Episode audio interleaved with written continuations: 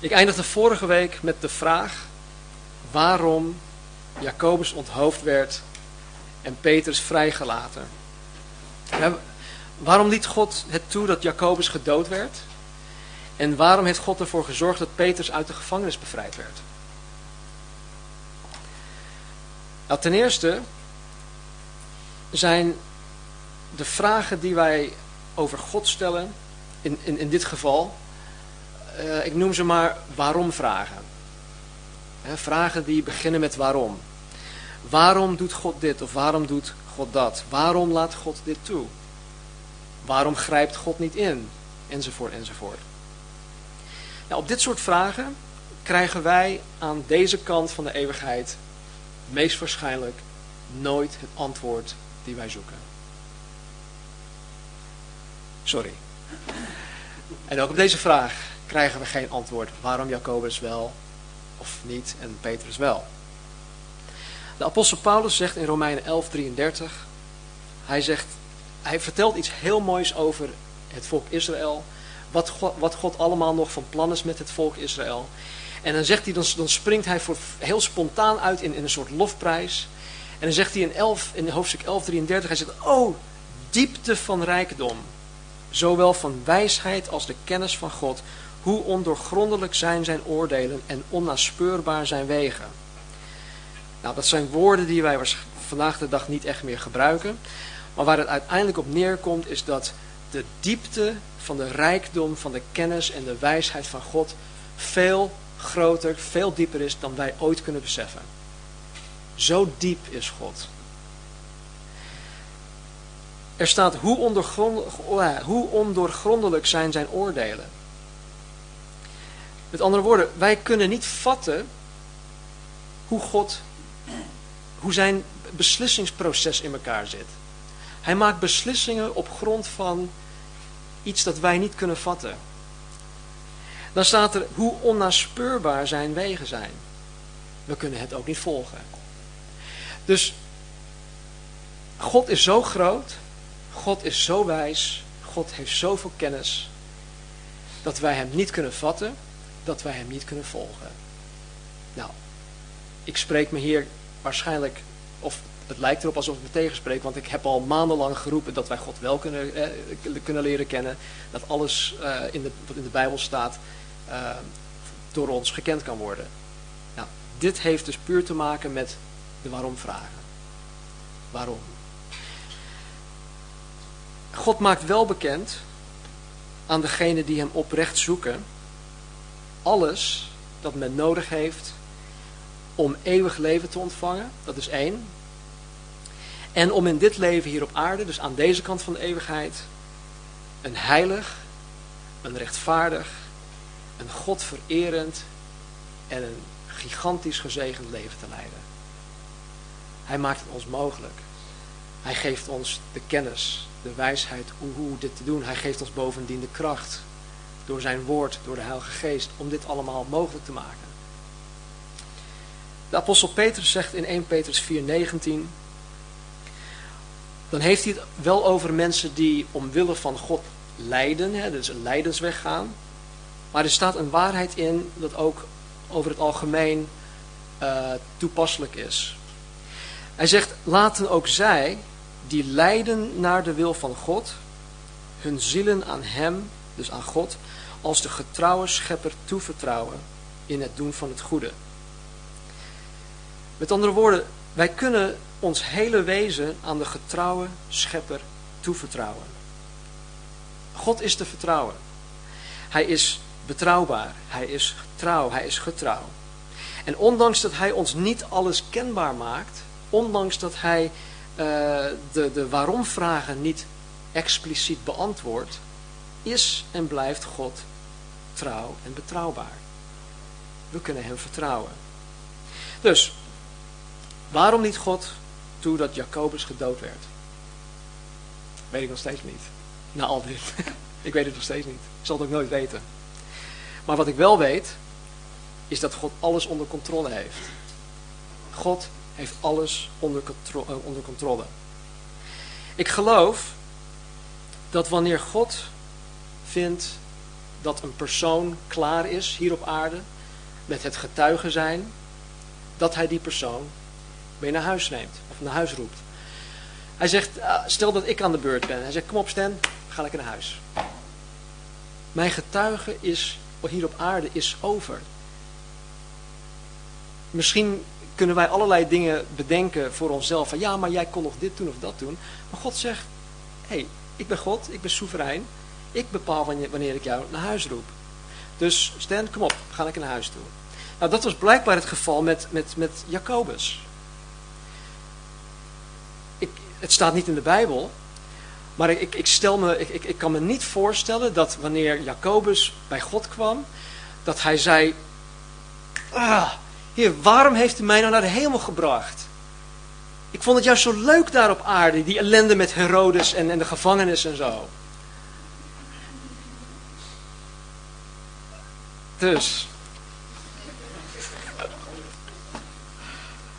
Nou, hoe kunnen wij of hoe horen wij om te gaan met de waarom vragen?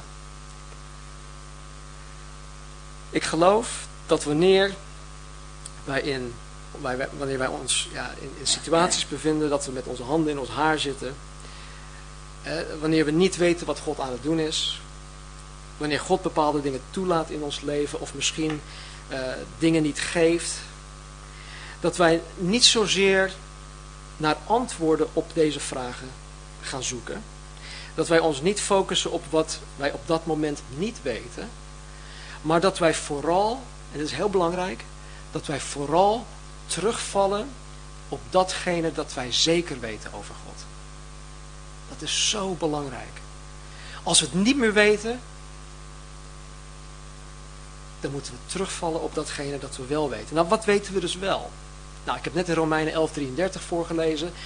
Oh, de diepte van rijkdom, van alle wijsheid en kennis die God heeft. Nou, dat weten we van God. We weten ook wat er in 1 Petrus 4:19 staat.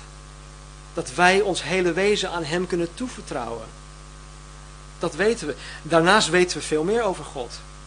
We weten dat God liefde is. Hij houdt van mij. Hij heeft alleen mijn, luister, eeuwige bestwil voor ogen. Hij heeft mijn eeuwig bestwil voor ogen. God is soeverein. Hij is te vertrouwen. Hij is betrouwbaar. Hij is alwetend. Ik ben zeer beperkt. Dus de dingen die wij van God weten, de dingen die wij over God weten, dat is ons houvast. Dat is onze rots waarop wij staan. Dus mochten, mochten jullie vandaag in een situatie zitten of je zegt van joh, ik, ik, ik weet het allemaal niet meer. Val terug op datgene dat je zeker weet. Nou, vanmorgen pakken we het op in hoofdstuk 13. En we gaan de eerste drie versen behandelen. Is een heel contrast van de afgelopen weken. Vorige week 25 versen, heel hoofdstuk 12. De week daarvoor hoofdstuk 11. Maar vandaag doen we het met drie versen. Dat betekent niet dat ik over vijf minuten klaar ben. Maar we gaan drie versen pakken. Nou, jullie weten, in Handelingen 1.8 beloofde Jezus dat de discipelen kracht zouden ontvangen wanneer de Heilige Geest over hen heen zou komen. Kracht om getuige te zijn in Jeruzalem, in heel Judea, in Samaria en tot het uiterste van de aarde. Na de eerste tien jaar van het bestaan van de gemeente waren zij inderdaad, en dat lazen we in de eerste twaalf hoofdstukken ook, waren zij getuigen tot de Joden in Jeruzalem, in geheel Judea, in Samaria. En met de bekering van Cornelius in hoofdstuk 10 kwam het evangelie tot de heidenen, tot de niet-Joden. Nou, tot nu toe, dus eigenlijk tot en met hoofdstuk 12, werd het evangelie verspreid door verschillende omstandigheden. Jullie herinneren nog, hoop ik, in hoofdstuk 7 werd Stefanus gestenigd. De vervolging nam toe. Saulus ging tekeer tegen de gemeente. En iedereen, iedereen vertrok uit Jeruzalem. Ze gingen naar Judea toe, naar Samaria, naar andere plekken, Caesarea. En ze brachten het evangelie met zich mee. Dus door die verdrukking, door die vervolging werd het evangelie verspreid. De eerste zes jaar bleven ze met, met allemaal lekker in Jeruzalem. En God gebruikte die vervolging om hun uit hun comfortzone te jagen en het evangelie te verspreiden onder de Joden. Nou, dat hebben ze gedaan. En nu Aan het begin van hoofdstuk 13 komt de gemeente in een geheel nieuwe fase terecht. En hun activiteiten zullen vanaf dit moment meer gefocust gaan worden, meer gericht. En het is uiteraard nog steeds geleid en gedirigeerd door de Heilige Geest. Nou, vanaf hoofdstuk 13 zien we een duidelijke verandering in de gemeente. De gemeente wordt nu meer en meer gericht op zending. In het Engels heet dat op missions. Het wordt een missions-minded gemeente. En Barnabas en, Saulus zullen de eerste officiële zendelingen of missionaries worden van de gemeente in Antiochië. Nou, weet je, dit, dit is niet nieuws hè, voor, voor God. Uh, zendingsgericht zijn, missions-minded zijn. Dat is niet iets nieuws dat hij dan in Antiochië ineens heeft bedacht. God, God is daar al vanaf het begin al, is hij zendingsgericht, is hij al missions-minded. In Genesis 12 zond God Abraham uit vanuit zijn land.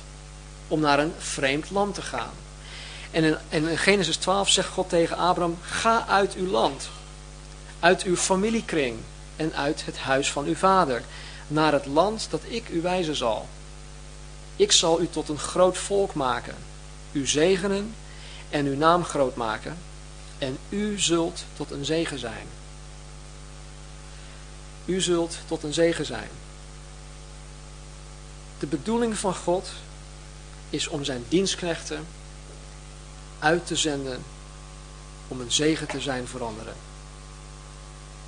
God zond Jezus vanuit de hemel naar de aarde toe om ons te zegenen. En nu zullen we zien dat God deze methode blijft toepassen, alleen nu in en door de gemeente en de gemeenteleden. Wanneer wij vanmorgen van deze plaats vertrekken, dan moet je het ook zo zien. En ieder van jullie die Jezus navolgen, worden zo direct uitgezonden om een zegen te zijn voor anderen. Is toch gaaf? Dat we zo de wereld in mogen gaan om de liefde en de zegen en de genade uit te dragen naar anderen. Oké, hoofdstuk 13. Eerste drie versen. En er waren in Antiochië, in de gemeente al daar, enkele profeten en leraars. Namelijk Barnabas, Simeon, die Niger genoemd werd, Lucius van Cyrene, Manahen, die met Herodes de viervorst opgegroeid was, en Saulus. En terwijl zij de heren dienden en vasten, zei de Heilige Geest, zonder voor mij zowel Barnabas als Saulus af voor het werk waartoe ik hen geroepen heb. Toen vasten en baden zij, en nadat zij hun de handen opgelegd hadden, lieten zij hen gaan. Nou, er staat dat er profeten en leraars waren. Nou, deze profeten en leraars die worden genoemd. Nou, Barnabas die kennen we inmiddels. Die zagen voor het eerst in hoofdstuk 4. Toen hij uh, de opbrengst van iets dat hij verkocht had aan de voeten van de apostel had gelegd. We zien hem ook weer terugkomen bij de bekering van, uh, van Paulus. We zien hem ook weer terugkomen bij, uh, bij Cornelius. We zien hem ook vorige week dat hij naar de, de kerstverse gemeente ging in hoofdstuk 11 in Antiochië om hun daar te bemoedigen en te onderwijzen. Nou, deze Simeon, die Niger genoemd werd, was waarschijnlijk iemand die uit Noord-Afrika kwam. Nou, Niger, dan kan je misschien ook denken aan Nigeria. Hij was een donkere man. En Niger betekent in, in Latijn zwart. Dus het kan zijn dat hij een, uh, gewoon een hele donkere man was. Lucius was ook een Noord-Afrikaner, maar hij kwam uit Libië. En deze Manahen Manahen, ik weet niet wie het zegt, was pleegbroer van Herodes Antipas. Die, de, de Herodes Antipas was iemand, was die, degene die uh, Johannes de Doper had onthoofd. Hij was ook uh, degene die regeerde over Galilea in de tijd van Jezus. Dus deze Manahen werd grootgebracht in het vorstelijk huis van Herodes, van Herodes de Grote. En hij was dus een persoon van adel. En dan de laatste, last but not least, dat was Saulus, ofwel de apostel Paulus. Maar ik vind het mooi om te zien dat de gemeente van Jezus Christus, en ook hier, inderdaad uit een gemeleerd gezelschap bestaat. We zijn niet allemaal hetzelfde. In dit geval heb je een, een, een uh, ja, uh, Paulus, de fariseer der fariseeën. Je hebt iemand uit Nigeria. Je hebt iemand uh, uit het, het vorstelijk huis van Herodes. Je hebt Barnabas die uit, uit, uh, Cyprus kwam. Dus dat waren, dat waren geen, ja, ik, ik, denk niet dat ze allemaal naar, de, naar dezelfde vereniging zouden gaan. Maar toch behoren ze tot de gemeente van Christus en ze dienen daar en God heeft hen een bediening gegeven. En het is ja, gewoon mooi om te zien dat, dat God het ook hier onder ons en, en uh, met ons doet. De profeten die hier genoemd worden, waren ja, niet profeten in de zin zoals we dat in het Oude Testament lezen, maar dit zijn nieuw-testamentisch profeten. Dit waren door de Heilige Geest in staat gestelde spreekbuizen van God. Zij hadden de gave van profetie. En deze mensen ontvangen ja, bijzondere inzichten van God, uh, inzichten tot Gods plan, waardoor ze Gods bedoeling in bepaalde situaties duidelijk kunnen maken. Ze spreken een woord dat iets kan verhelderen of verduidelijken. We zien in het Nieuwe Testament dat ze van tijd tot tijd ook dingen voorspellen. Vorige week zagen we nog dat Agabus een hongersnood voorspelde. En in Handelingen 21 zien we dezelfde Agabus ook voorspellen dat Paulus in Jeruzalem gevangen genomen zal gaan worden. Dus het, het, het kan een voorspellend uh, element met zich meebrengen, profetie. Maar volgens, volgens 1 Korinthe 14:3 is de primaire bediening van een profeet om de gemeente woorden te geven ter opbouw, vermaning en troost. Nou, opbouw is simpelweg om mensen op te bouwen in hun relatie met de Heer. Vermaning is om mensen in beweging te brengen, om zich te bekeren van foute dingen. En troost, simply om mensen op te beuren. Om mensen een hart onder de riem te steken, om mensen de armen te omslaan. Dus hun primaire bediening is om woorden te geven ter opbouw, vermaning en troost. Nou, en in dit gedeelte zien we dat, dat er inderdaad mensen waren die de gave van profetie hadden. En dat zij dus in, in, in, handel, in het boek Handelingen spontaan voor God spraken. En dat zullen we ook vaker tegenkomen in het boek Handelingen. Nou, ik geloof dat God deze gave anno 2007 nog steeds aan mensen geeft. Er staat nergens in de Bijbel dat dit soort dingen tot een eind zijn gekomen. Volgens mij gaat het boek Handelingen gewoon door. Alhoewel we hier in het Westen bepaalde charismatische gaven misschien uh, in mindere mate zien. Um, in andere kringen weer heel extreem. Maar het is nog steeds voor vandaag. En ik geloof er echt in dat God nog steeds door middel van een woord van profetie of een woord van kennis of een woord van wijsheid tot mensen spreekt ter bemoediging, ter opbouw, ter vermaning.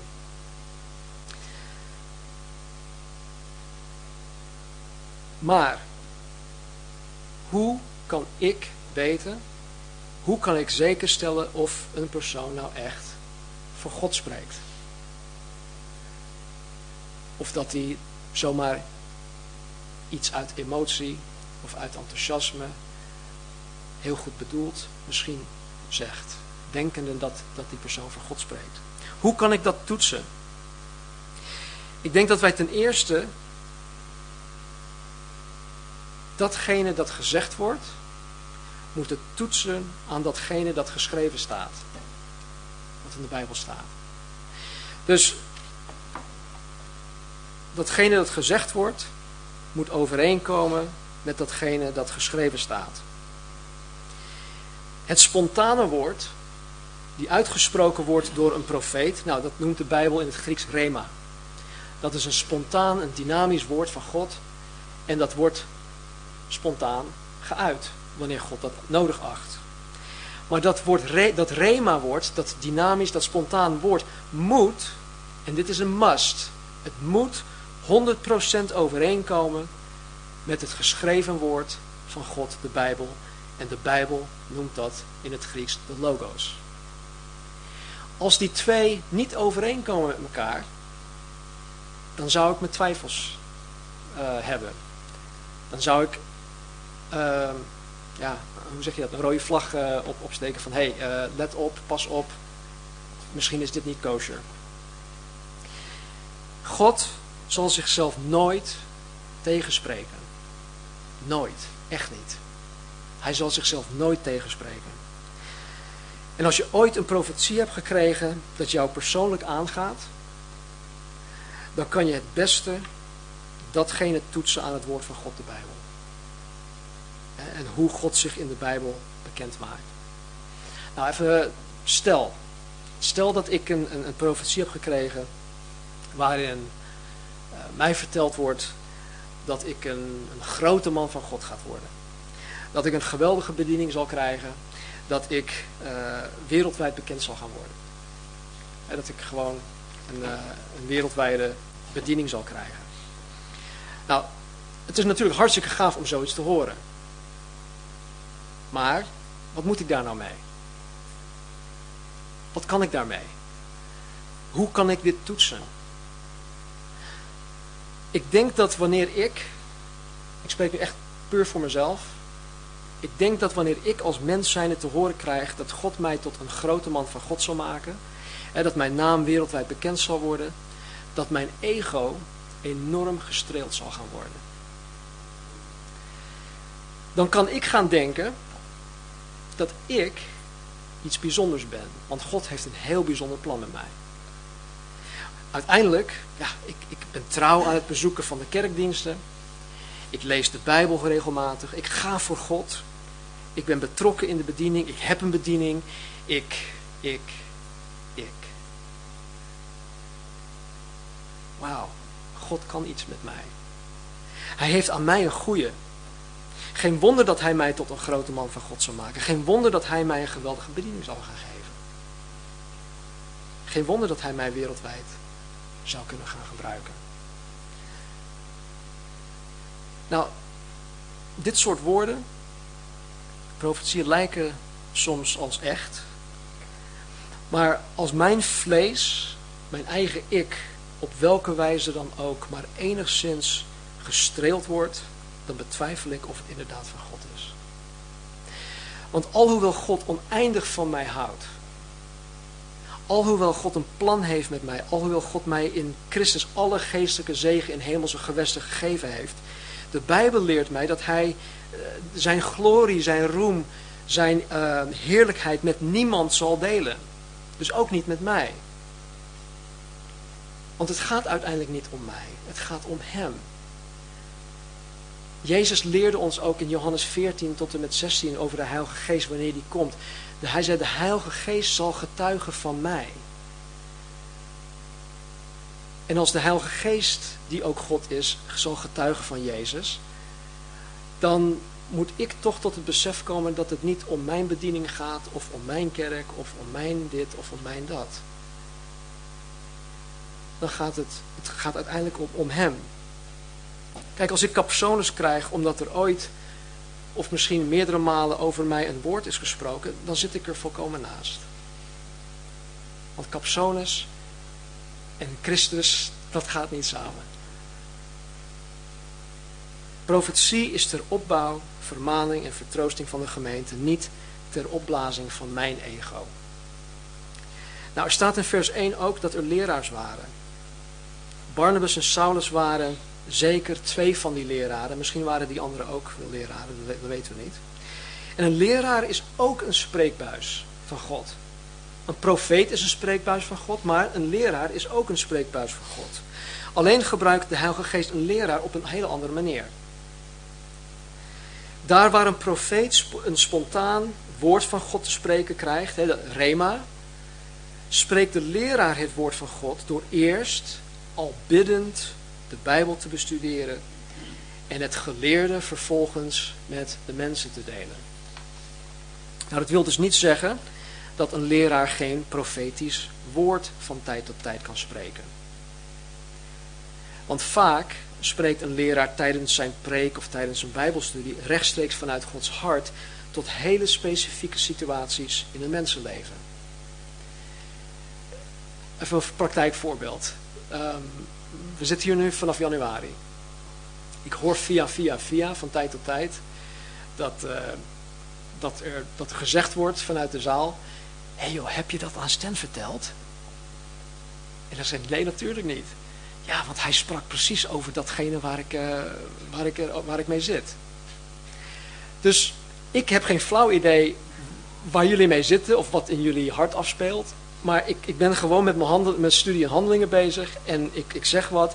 En woe, raak. Woef, het raakt jullie harten. En dan denk, krijgen jullie misschien zo'n rood hoofd, dat weet ik niet. Het is me nog niet opgevallen. Maar het, het, het komt over als een, een, profetisch woord van God. Want het is uiteindelijk een woord van God. En God spreekt tot jullie op dat moment. En sommige mensen voelen zich betrapt. Maar ik weet het echt niet hoor. Ik, ik wil jullie echt zeker stellen, ik weet niks, niks daarover. Goed. In Efeziërs 4:11 staat dat Jezus aan de gemeente apostelen heeft gegeven, uh, profeten, evangelisten en herders en leraars. Dus apostelen, profeten, evangelisten, herders, leraars. Nou, op eerste gezicht lijkt het erop dat er vijf verschillende bedieningen staan. Maar het zijn er maar vier. Het zijn er eigenlijk maar vier. Er is een, uh, ja, een regel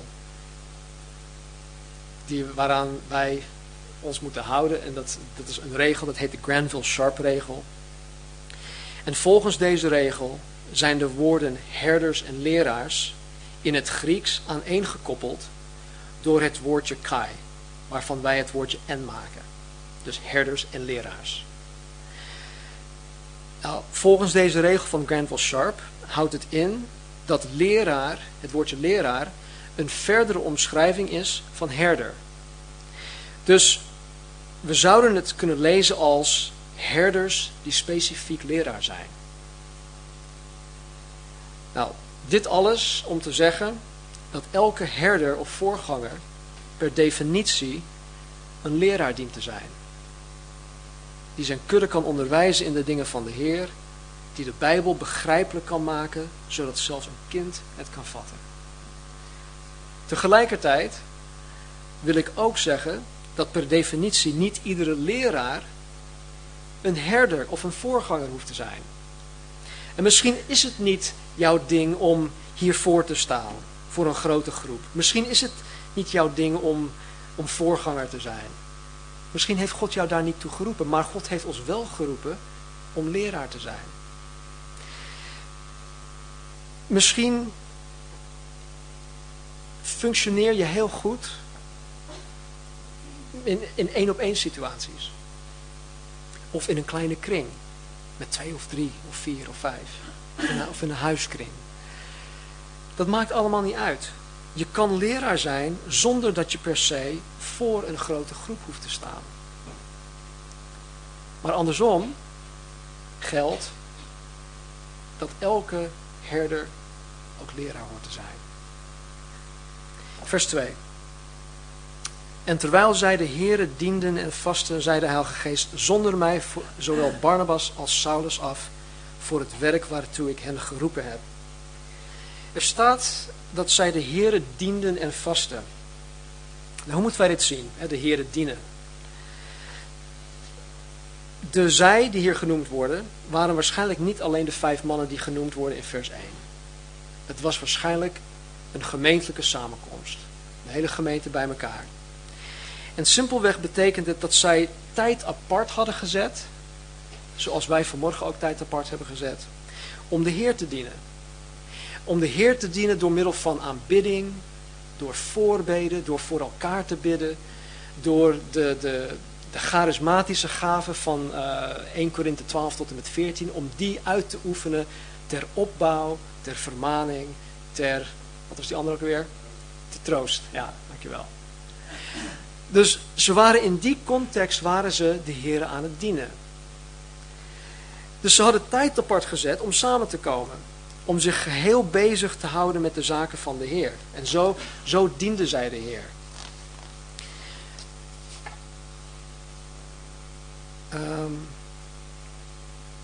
oh ja, er staat ook dat de Heilige Geest tot hun sprak en zei, zonder voor mij, zowel Barnabas als Saulus af, voor het werk waartoe ik hen geroepen heb. Nou, ik vraag me af hoe de geest dit zei. Kwam er tijdens de dienst ineens een stem, zonder voor mij Barnabas? Nou, ik denk het niet. Ik geloof eerder En ook uitgaande van vers 1, dat het waarschijnlijk door een van de aanwezige profeten uitgesproken werd. En dat de profeet zei, de Heilige Geest zegt om Barnabas en Saulus af te zonderen voor dat werk. Nou, ik denk niet dat dit als een verrassing kwam voor hun, voor Barnabas en Saulus. Want jaren daarvoor, toen Jezus de apostel Paulus van zijn paard afgooide, toen zei Jezus tegen Paulus dat hij hem ver weg naar de heidenen toe zou sturen. Nou, er zijn heel veel jaren overheen gegaan. Maar nu was het zover. En de Heilige Geest bevestigt hiermee datgene dat Jezus daarvoor reeds aan Paulus verteld had. Dus ik denk niet dat het een verrassing was. Ik denk misschien zelfs dat Paulus had gedacht van, joh, wanneer gaat dat nou wel komen? Ik vind het, persoonlijk vind ik het raar dat Paulus tot de heidenen gestuurd werd. Want hij is bij uitstek, volgens mijn beredenering, de beste persoon om tot de Joden hè, het evangelie uit te dragen. Maar God zegt juist, nee, ik wil jou tot de heidenen brengen en ik wil Petrus, een visser, het evangelie aan de Joden brengen. Dus zo zie je maar weer Gods wijsheid, Gods kennis. Het is ondoorgrondelijk, het is niet te vatten, niet te volgen. Maar we zien de resultaten. Nou, God heeft mij op het hart gelegd om een zendingsgerichte gemeente te zijn. Voordat we hier op 21 januari onze opening hadden, uh, toen had ik al op mijn hart, hey, bij het planten van deze kerk worden wij een zendingsgerichte gemeente. En dat zal op verschillende wijzen tot uiting komen. Het, wil het, het zal niet zijn dat, we, hè, dat, dat, dat de helft allemaal zendelingen gaan worden. Dus wees gerust. Maar we hebben wel die, die, die missions mindedness, hè, de, de gezindheid, de, de zendingsgerichtheid. En een van de dingen die wij als gemeente gaan doen, is hier in de Haarlemmermeer een basis opzetten. Zoals zij dat in Antiochië ook hebben gedaan. Ze hebben een basis opgezet. En vanuit deze basis worden we met, elkaar worden we toegerust tot dienstbetoon. En dan gaan we verwachtingsvol kijken wie van jullie uitgezonden zal gaan worden. En dat is juist het mooie van het wandelen met God en kijken wat God met ons gaat doen. Kijk, ik kan zelf bepalen van nou, ik denk wel dat het die en die en die zal zijn. Dan zal God me totaal verrassen en dan zal iemand ineens uit een hele onverwachte hoek komen en uh, God zegt nee, het is die. Net als met David. Samuel, de profeet, kwam naar Isaïe toe. Oké, ik uh, I'm on a mission from God. Ik wil uh, dat je je zoon erbij roept. Nou, hij zegt de eerste zoon, zo'n bink van een kerel. Nou, dat is vast de koning. Nee, zei God, dit is hem niet. Nou, uiteindelijk was het David die uit een hele andere hoek kwam. En uh, die God gekozen had. Dus ik weet het niet, maar ik ben verwachtingsvol. Ik, ik kijk echt uit naar het moment dat God een van jullie of meerdere van jullie ineens op het hart legt van wauw, ik heb echt een hart voor, voor, die, voor dat dorp of voor, voor die stad of voor dat land of whatever. Het maakt niet uit wat het is. Ja, ja.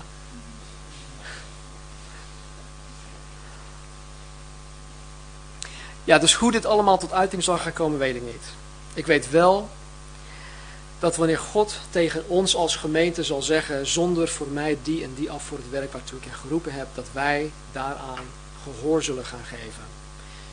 want wij als gemeente bestaan niet om mensen hier vast te houden. Wij bestaan als gemeente om mensen te doen ontwikkelen, te ontplooien, te ontpoppen en de wereld in te sturen. Vers 3.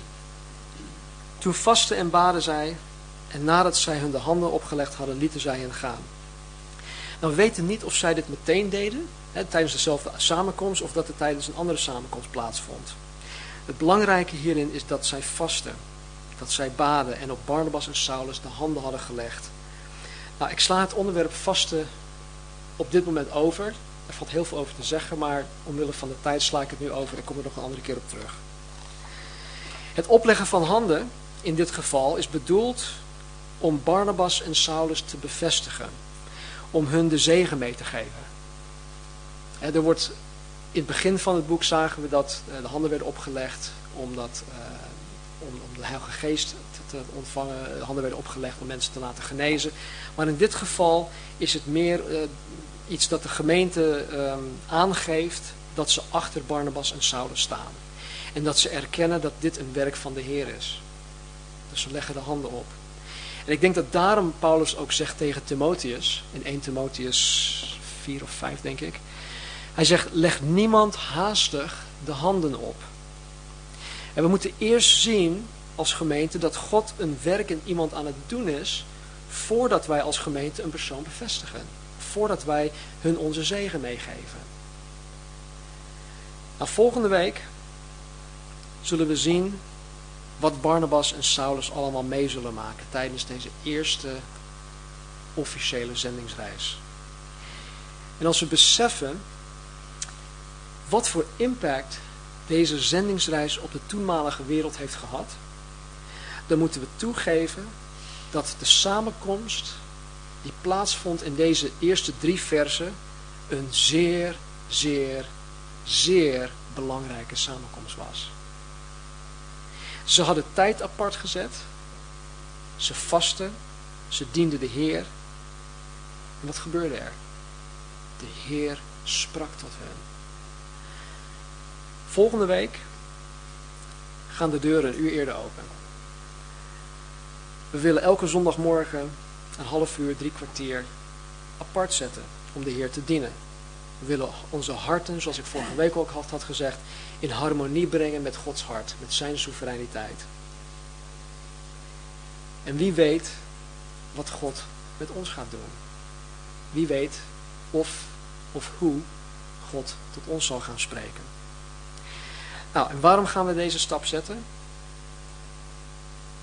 Niet om een extra activiteit in te lassen of zo, maar we doen het omwille van Jezus. We doen het omwille van zijn koninkrijk. We doen het omwille van, om, om hem te dienen. En om ons vanmorgen daaraan te herinneren, vieren we met z'n allen heilige avondmaal.